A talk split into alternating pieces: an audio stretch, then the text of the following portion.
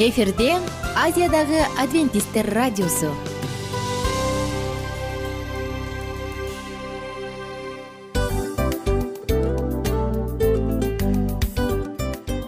Достор салют.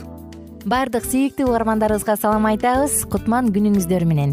Ден соолук өмүрдүн булагы демекчи саламат саамы программасында баарыңыздарды көргөнүбүзгө абдан кубанычтабыз. Анда алгач амандашып өтөлү арбаңыздар деп. Ден соолугуңуздар кандай элибизде көбүнчө ден соолук кандай дегенде эле жакшы деп жооп беребиз э? ооруп турсак дагы жакшы дейбиз. Анан мен муну айтып ойлойт элем бул абдан сонун сөз депчи анткени бул жакшы деген үмүт да э ооба баары жакшы болот. Баары сонун.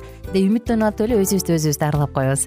Анысы кандай сиздин дагы ден соолугуңуз жакшы беш деген үмүттөбүз чындыгында ден соолук бул өмүрдүн булагы деп бекеринен айтылган эмес деп ойлойм. Кыргыз элинде анткени эгерде ден соолук жок болсо анда адамдын жашоосунда калган баардык керектүү маңыздуу нерселер өзүнүн баалуулугун жоготуп коет. Ошондуктан ден соолук бул эң керектүү нерсе. Ооба туура айтасың кесиптешим. Чынында ден соолугуң жок бир эки үч күн ооруп калсаң эле э кандай болуп калат? Жашоодо көз каранды болуп каласың көп нерсеге жетишпей каласың көп нерсени кыла албай каласың жада калса эшикке дүкөнгө да чыга албай каласың. Туптуура анан ден соолук болсо демек биз биздин бактыбыз тоодой деп койсок болот. Анда достор саламат саамы рубрикабызды баштайлы алдыда өзүңүзгө керектүү болгон сонун кеңештерди уга аласыздар. Мына ошондуктан биз менен бирге болуңуздар. Ал эми биз болсо милан жана айнура. Кеттик алга. Алга саламат саама ден соолуктун жарчысы. Саламат саама ден соолуктун ачкычы. Күн сайын сиз үчүн мыкты кеңештер сонун жаңылыктар кызыктуу фактылар биздин рубрикада.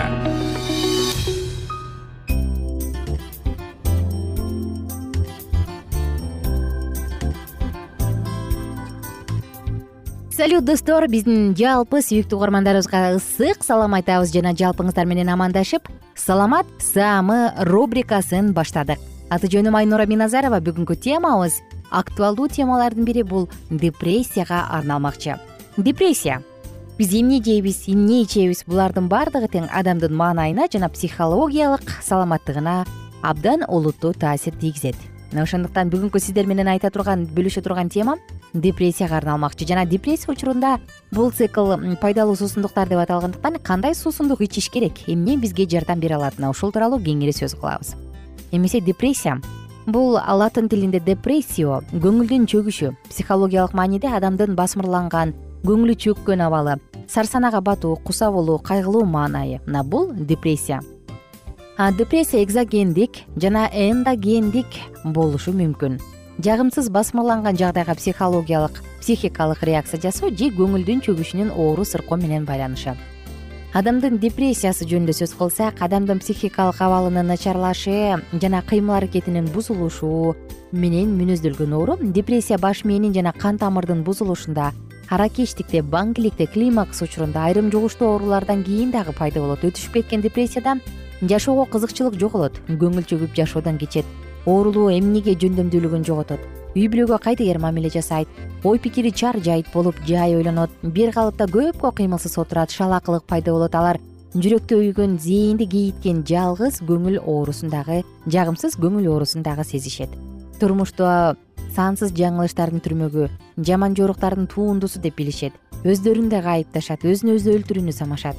Ал эми жеңил депрессияда бул субдепрессия деп коет. Ички органдардын функциясы бузулат ишке жөндөмдүүлүк начарлайт уйку качат.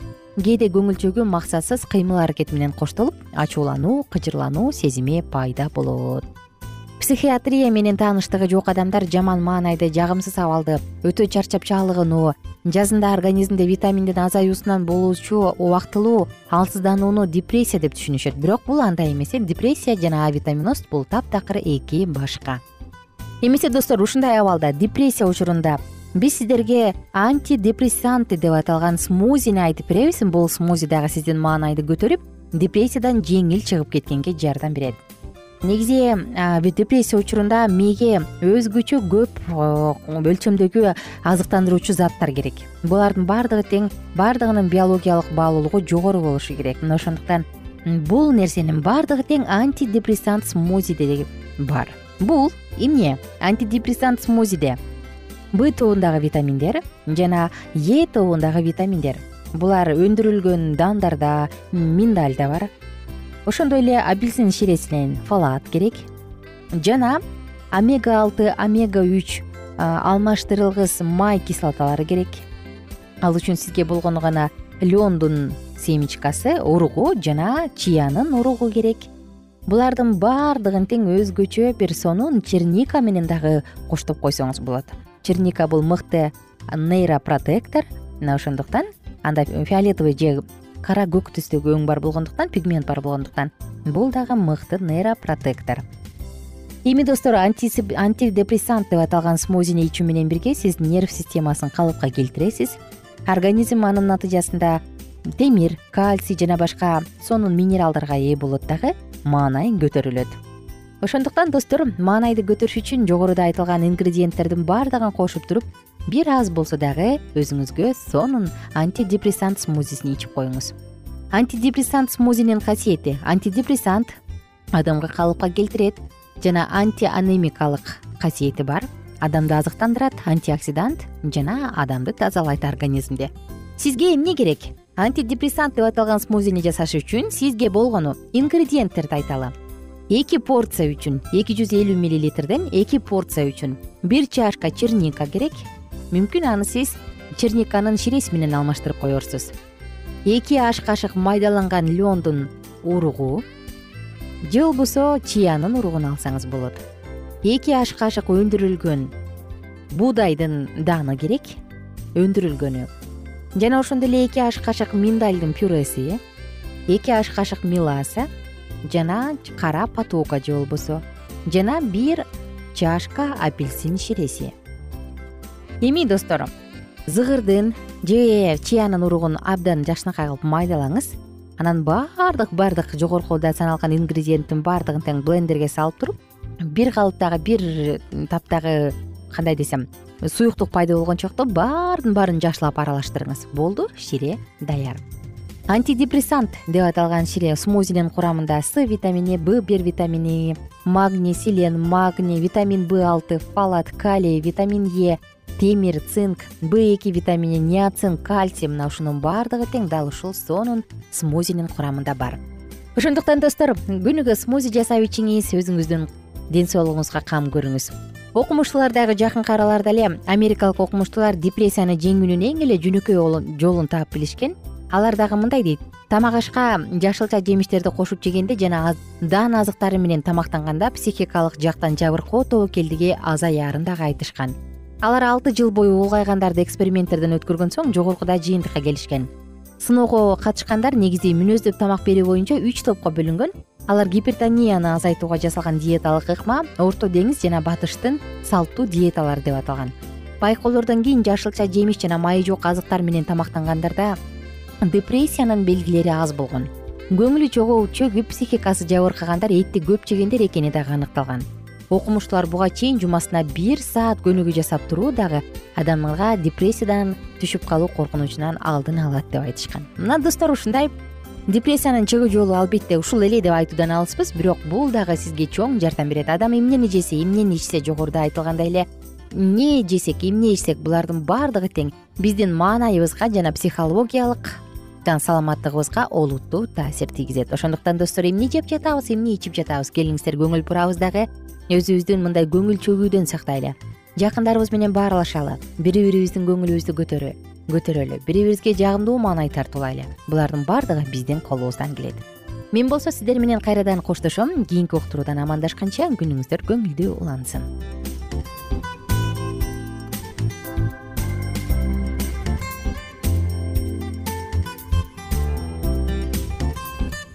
кененирээк маалыматтар үчүн үч w чекит саламат чекит клуб сайтына келип таанышыңыздар. Жана андан тышкары социалдык тармактарда youtube facebook жана instagram баракчаларына катталыңыз. Саламат саама ден соолуктун жарчысы. Саламат саама ден соолуктун ачкычы. Күн сайын сиз үчүн мыкты кеңештер сонун жаңылыктар кызыктуу фактылар. Биздин рубрикада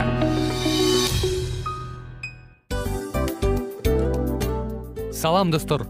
Кайрадан биздин сүйүктүү рубрикабызга кош келиңиздер деп айтмакчыбыз. Баардык замандаштарыбызга арбаңыздар деп саламыбызды айтабыз. Улуу ушундай бир э, урматтаган учурашуу менен анан дил маек радио баракчабызга чакырабыз. Негизи дил маек биздин рубрикабызда эмне жөнүндө кеп кылабыз бул дил маектин мааниси эмнеде рубрикабыз менен кичине тааныштырып кетсеңиз. Сөзсүз түрдө тааныштыра кетейин. Кесиптешим суранычы боюнча бул учурда бул радио баракчада биз ар тарап кесип ээлеринен сонун кеңештерди алабыз сүйлөшөбүз сырдашабыз. Аталарыбыздын эжелерибиздин апаларыбыздын кеңештерин угабыз айтор. Жан дүйнөгө адамдын э, сапатына адамдын деги эле адам болуп жашашына керектүү баардык кеңештер алдыда.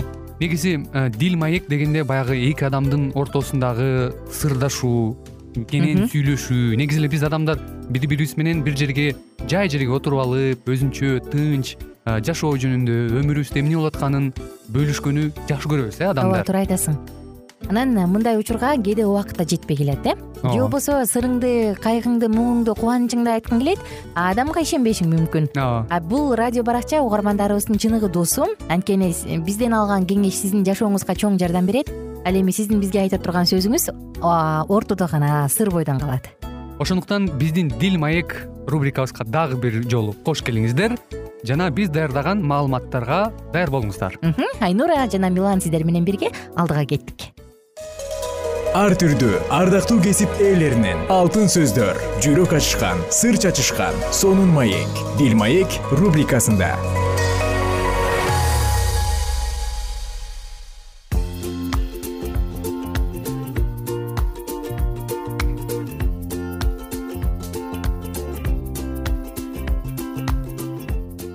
салам достор кутман күнүңүздөр менен кадырлуу замандаштар. Жалпы биздин сүйүктүү угармандарыбызга ысык салам айтабыз дагы. Сиздер менен кайрадан кийинки дил маек уктуруусун баштадык. Бүгүнкү тема албетте ар бир угарманыбыз үчүн маанилүү деп кепилдик бере алам. Анткени ар бир адам үй бүлөдө жашайбыз. Ар бирибиз э, сөзсүз түрдө үй бүлөдө бактылуу болгубуз келет үй бүлө курганда дагы сөзсүз түрдө биз бакытты издеп курат эмеспизби. Мына ошондуктан бактылуу үй бүлө деп аталган циклды андан ары улантабыз жана баардык угармандарыбызды чын жүрөктөн жыштыгыбызга чакырабыз. Бүгүнкү тема үй бүлөдөгү жагдайдын түзүлүшү. Ишке байланыштуу тактыктын негизи жана чыныгы ийгилик кудайдын менчиктерин туура кабыл алууда жагат. Ким баардыгын жаратса ошол гана чыныгы ээси болууга укуктуу. Бизде болгондун баардыгы биз анын көргөзмөсү аркылуу гана аткарыш үчүн бизге кудуреттүү кудай аркылуу тапырылып тапшырылып берилген э? Анан кудай бизге ар кандай жөндөмдүүлүктөрдү зээндүүлүктү берди жана бизди дүйнөгө ал аркылуу тапшырылган иштерди аткарыш үчүн коюп койгон. Акча жана башка керектелүүчү каражаттар байлыктар биздики эмес. Биз келгиндер жана жолоочуларбыз. Еврей деген сөздү жаман көргөнүбүз менен бирок бул жерден биз келген жана жолоочу экенибиз дал ушунун белгиси э биз белек катары ден соолугубузга өмүрүбүзгө керектүү нерселерди алабыз. Биздин жерлик берилген сыйлыктар бизди текшериш үчүн гана берилген. Бизге түбөлүктүү байлыктарды ишенип берүүгө болобу. Эгерде биз бул сыноолордон өтүп кете турган болсок анда бизге тиешелүү болгон мүлккө даңкка жана өлбөстүккө ээ болобуз. Мына бул бизге чыныгында берилчү нерселер. Түбөлүктүүлүктө акча достор сөзсүз түрдө наалаттылык болуу мүмкүн эмес. Алар чоң баалуулукка ээ жана эгерде аларды туура пайдалана турган болсок чоң киреше алып келиши мүмкүн. Бирок ысырап кылуучулук жана акылсыз пайдалангандык ким буларды чыгымдаса алар үчүн акча жайылган тор. Ким акчаны канагаттануу көйрөңдүк жана мартабаны сүйүүчүлүк менен чача турган болсо алар үчүн акча ак батанын ордуна каргышка айланып калат. Акча бул биздин берилгендигибизди текшерүүчү.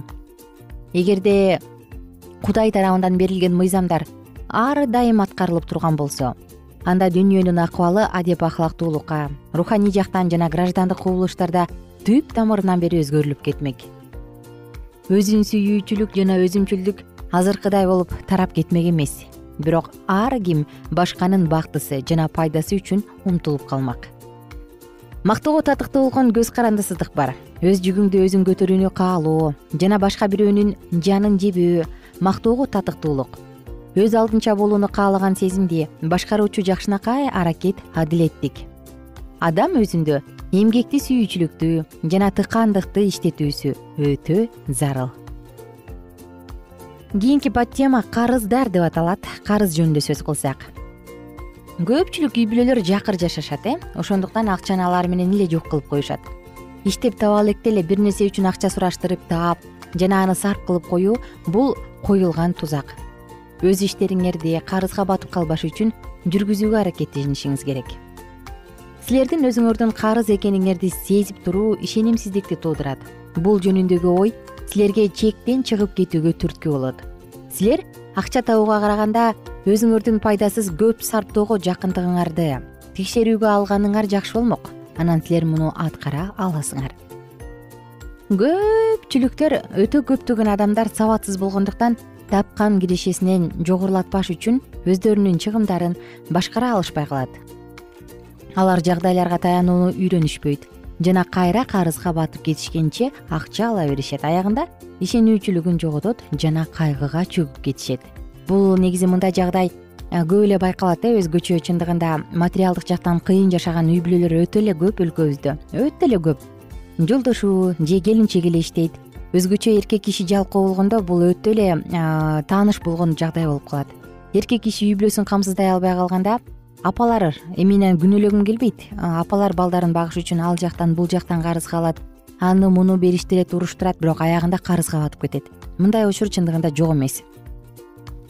Силер эч качан карыз албайбыз деген чечим кабыл алгыла дешет. Албетте бул дагы жагдайга жараша деп айтмакмын мен. Карызга акча алганча өзүңөргө керек болгон миңдеген буюмдардан баш тарткыла.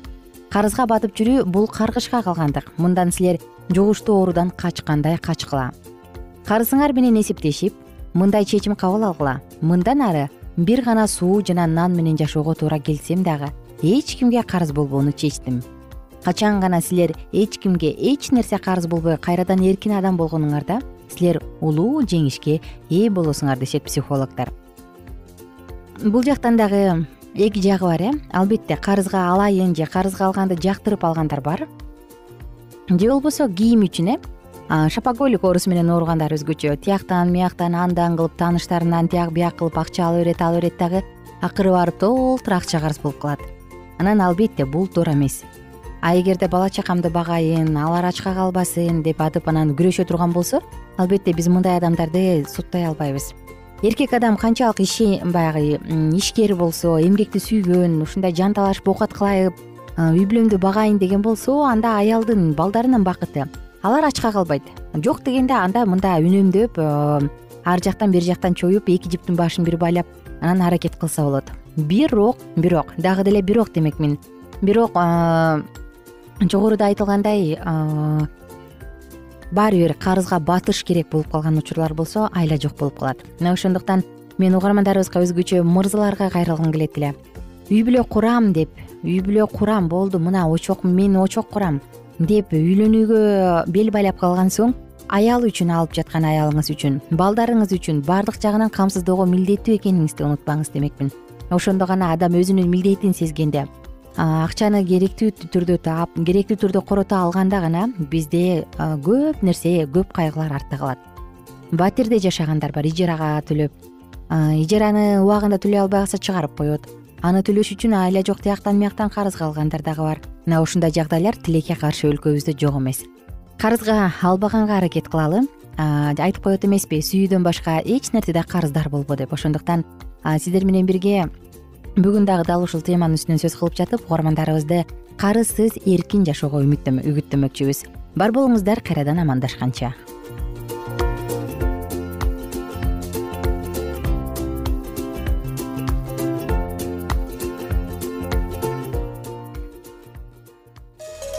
ар түрдүү ардактуу кесип ээлеринен. Алтын сөздөр жүрөк ачышкан сыр чачышкан сонун маек. Дил маек рубрикасында.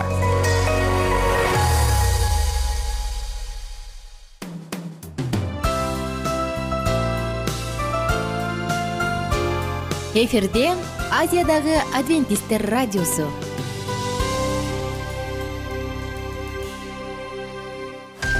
жан дүйнөңдү байыткан жүрөгүңдү азыктанткан жашооңо маңыз тартуулаган жан азык рубрикасы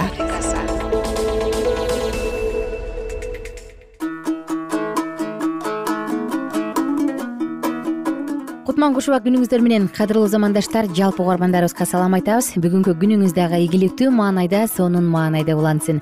Жан дүйнөбүздү азыктандыруучу жан азык рубрикасы башталды. Жана сиздер менен бирге инжил китебинен орун алган жакан жазган жакшы кабарды окуудабыз жакан жазган жакшы кабар сегизинчи бөлүм.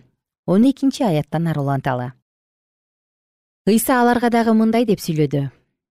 Мен дүйнөнүн жарыгымын мени ээрчиген адам караңгыда жүрбөй өмүр жарыгына ээ болот. Ошондо фарисейлер ага сен өзүң жөнүндө өзүң күбөлөндүрүп жатасың. Сенин күбөлөндөрүң чындык эмес дешти ыйса аларга мындай деп жооп берди. Өзүм жөнүндө өзүм күбөлөндүрүп жатсам да менин күбөлөндүрүүм чындык. Анткени мен өзүмдүн кайдан келгенимди жана кайда бараарымды билем силер болсо менин кайдан келгенимди кайда бараарымды билбейсиңер. Силер сырткы көрүнүшү боюнча соттойсуңар. Мен болсо эч кимди соттобойм. Мен соттосом да менин сотум туура. Анткени мен жалгыз эмесмин мени жиберген атам менен биргемин. Силердин мыйзамыңарда да эки адамдын күбөлөндүрүүсү чындык деп жазылып турат. Өзүм жөнүндө өзүм күбөлөндүрөм мен жөнүндө мени жиберген атам да күбөлөндүрөт ошондо алар андан сенин атаң кайда? деп сурашты. Ыйса силер мени да атамды да билбейсиңер эгерде мени билсеңер анда менин атамды да билмексиңер деп жооп берди. Ыйса бул сөздөрдү ибадатканада окутуп жатканда курмандыктар салына турган кутунун жанында туруп сүйлөдү. Бирок аны эч ким кармап кеткен жок. Анткени анын убагы келе элек болчу. Ыйса аларга дагы мен кетем мени издейсиңер күнөөкөр бойдон өлөсүңөр. Мен барган жерге силер бара албайсыңар деди. Ошондо жүйүттөр мен барган жерге силер бара албайсыңар дейт эмне? Ал өзүн өзү өлтүрөбү дешти ыйса аларга силер төмөн жактансыңар. Мен жогору жактанмын. Силер бул дүйнөдөнсүңөр мен бул дүйнөдөн эмесмин. Ошондуктан мен силерге күнөөкөр бойдон өлөсүңөр дедим. Бул мен экениме ишенбесеңер күнөөкөр бойдон өлөсүңөр деди. Ошондо алар андан сен кимсиң деп сурашты ыйса аларга. Силерге башынан бери айтып келе жатканымдай мен ошолмун силер жөнүндө айтып айыптай турган себептериң көп бирок мени жиберген чындык. Мен дүйнөгө андан укканымды айтып жатам деп жооп берди. Алар ыйсанын атасы жөнүндө айтып жатканын түшүнүшкөн жок. Ошондуктан ыйса мындай деди. Адам уулун жогору көтөргөнүңөрдө менин ким экендигимди өз атымдан эч нерсе кылбастыгымды атам кандай үйрөтсө ошондой сүйлөй турганымды билесиңер. Мени жиберген мени менен бирге. Атам мени жалгыз калтырган жок. Анткени мен аны ар дайым аны жакканды кылам ушул сөздөрдү айтканда ага көптөр ишенип калышты. Ыйса өзүнө ишенип калган жүйүттөргө мындай деди. Эгерде менин сөзүм боюнча жашасаңар анда мени чыныгы шакирттеримсиңер. Ошондо чындыкты билип каласыңар жана чындык силерди эркин кылат. Алар ага биз ыбрайымдын урпактарыбыз. Эч качан бирөөгө кул болгон эмеспиз. Эркин болосуңар дегениңер кандай дешти ыйса аларга мындай деп жооп берди. Чындыкты. Силерге чындыкты айтып коеюн күнөө кылган адам күнөөнүн кулу. Бирок кул үйдө түбөлүккө калбайт. Уул калат. Эгерде силерди уул эркин кылса анда чындап эркин болосуңар. Ыбрайымдын урпактары экениңерди билем. Ошондой болсо да мени өлтүргүңөр келет. Анткени менин сөзүмө жүрөгүңөрдө орун жок. Атамдан эмнени көрсөм мен ошону айтып жатам. Силер болсо атаңардан эмнени көрсөңөр ошону кылып жатасыңар. Ошондо алар ага биздин атабыз ыбрайым деп жооп беришти. Ыйса аларга эгерде силер ыбрайымдын уулдары болсоңор анда ыбрайым кылгандай иштерди кылат элеңер бирок азыр мени кудайдан уккан чындыкты силерге айткан атамды адамды өлтүргүңөр келет. Ыбрайым болсо мындай кылмак эмес силер өз атаңардын кылганын кылып жатасыңар деди. Ошондо алар ага биз ойноштон туулган эмеспиз биздин бир эле атабыз бар ал кудай дешти ыйса аларга мындай деди эгерде атаңар кудай болсо анда мени жакшы көрмөксүңөр. Анткени мен кудайдан келдим өз атымдан келген жокмун мени ал жиберди. Менин сөздөрүмдү эмнеге түшүнбөйсүңөр? Анткени менин сөздөрүмдү уга албайсыңар. Силердин атаңар шайтан. Силер ошонун кумарлуу иштерин аткаргыңар келет ал башынан эле киши өлтүргүч болчу. Чындык боюнча жашаган жок анткени анда чындык жок. Жалган айтуу анын табияты анткени ал жалганчы жана жалгандын атасы. Бирок мен чындыкты айткандыктан силер мага ишенбей жатасыңар. Күнөөң бар деп мени кимиңер айыптай аласыңар. Эгерде мен чындыкты айтып жатсам анда эмне үчүн мага ишенбейсиңер? Ким кудайдан болсо ал кудайдын сөздөрүн угат силер кудайдан эмессиңер ошондуктан укпайсыңар. Буга жүйүттөр самариялыксың сенин ичиңде жин бар деп туура айткан экенбиз деп жооп беришти ыйса аларга менин ичимде жин жок мен атамды урматтайм. Силер болсо мени кордоп жатасыңар. Дегенкиси мен өзүмө даңк издебейм бирок издей турган жана соттой турган бирөө бар. Чындыкты силерге чындыкты айтып коеюн менин сөзүмдү аткарган адам эч качан өлбөйт деди ошондо жүйүттөр ага мындай дешти. Ичиңде жин бар экенине чындап көзүбүз жетти ыбырайым өлгөн пайгамбарлар да өлүшкөн. Сен болсо менин сөзүмдү аткарган адам эч качан өлбөйт дейсиң. Сен эмне? Атабыз ыбырайымдан да чоңсуңбу ал өлгөн пайгамбарлар да өлүшкөн. Сен өзүңдү ким деп эсептеп жатасың. Ыйса мындай деп жооп берди. Эгерде мен өзүмдү өзүм даңктап жатсам анда менин даңкым эч нерсеге турбайт. Мени атам даңктайт. Силер аны биздин кудайыбыз дейсиңер силер аны билбейсиңер мен болсо билем. Эгерде билбейм десем анда силер сыяктуу жалганчы болмокмун. Бирок мен аны билем жана анын сөздөрүн сактайм. Атаңар ыбырайым менин күнүмдү көрөм деп кубанган жана көрүп кубанды.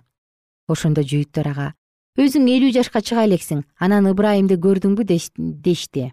Ыйса аларга чындыкты силерге чындыкты айтып коеюн мен ыбырайымдан мурун эле бар болчумун деди ошондо алар ыйсаны уруш үчүн жерден таш алышты бирок ал жашырынып ибадатканадан чыгып кетти.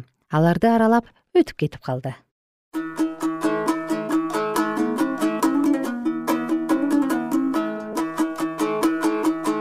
Ардактуу достор кымбаттуу угармандар мынакей бүгүн сиздер менен дагы жакан жазган жакшы кабардын сегизинчи бөлүмүн бирге тыңдадык.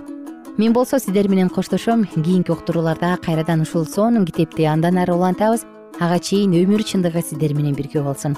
Суусаган адам өзүнүн суусаган жан дүйнөсүн дал ушул ыйык жазуудан кандырат. Күнүңүздөр көңүлдүү улансын бар болуңуздар.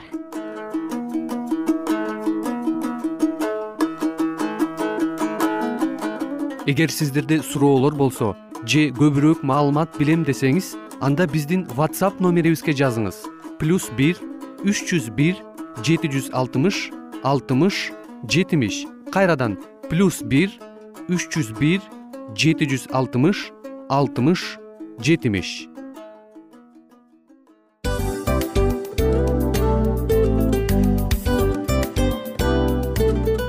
Мына ушинтип убакыт дагы тез өтүп кетет экен. Биз дагы радио уктуруубуздун аягына келип жеттик келип кубандырдыңар эми кетип кубандыргыла деп тамашалап калышат эмеспи? Анысы кандай? Радио баракчабызды программабызды азыр эле баштап аткандай болдук элек. Мына соңуна келдик э? Негизи убакыт э, билинбей өтүп кетет экен мен дагы э, убакыт дегенде бүгүн бир адам менен сүйлөшүп калдым. Анан убакыт бул мүмкүнчүлүк деп айтып өзүмө өзүм айтып алып анан мага өзүмө эле кайра ачылыш болду да чын эле э Э, карап отурсаң ошол эле жыйырма төрт саат ошол эле жарым саат кайталанып атат. Бирок сендеги мүмкүнчүлүк жок ошол кой берилип кетти? Анысы кандай? Бүгүнкү сонун убактыңызды алтындай болгон жарым саатыңызды бизге бөлүп арнаганыңыз үчүн ыраазычылык айтабыз. Анан жашооңуздун кайсы бир сферасын өзгөртө турган сонун пайдалуу кеңеш алган болсоңуз анда биз максатыбызга жеттик анан ушул нерсени кылбасам десеңиз ошол өзгөрүүлөрдү кичинекей кадамдардан баштап иш жүзүнө ашырыңыз дагы жашооңузда чоң чоң ийгиликтерге жетиңиздер чын жүрөктөн ар бир берилген кеңештер сөздөр сиздерге пайдасын алып келет деп ишенебиз жана кийинки уктурууларда сөзсүз түрдө чыдамсыздык менен сиздерди күтөбүз. Сагынычтуу салам айтып кайрадан дал ушул жыштыктан баардыгыңыздарды тосуп алгынча кызматта мен айнура жана кесиптешим милан. Анда кол булгалайбыз жалпыңыздарга ийгиликтүү күн. Саламатта калыңыздар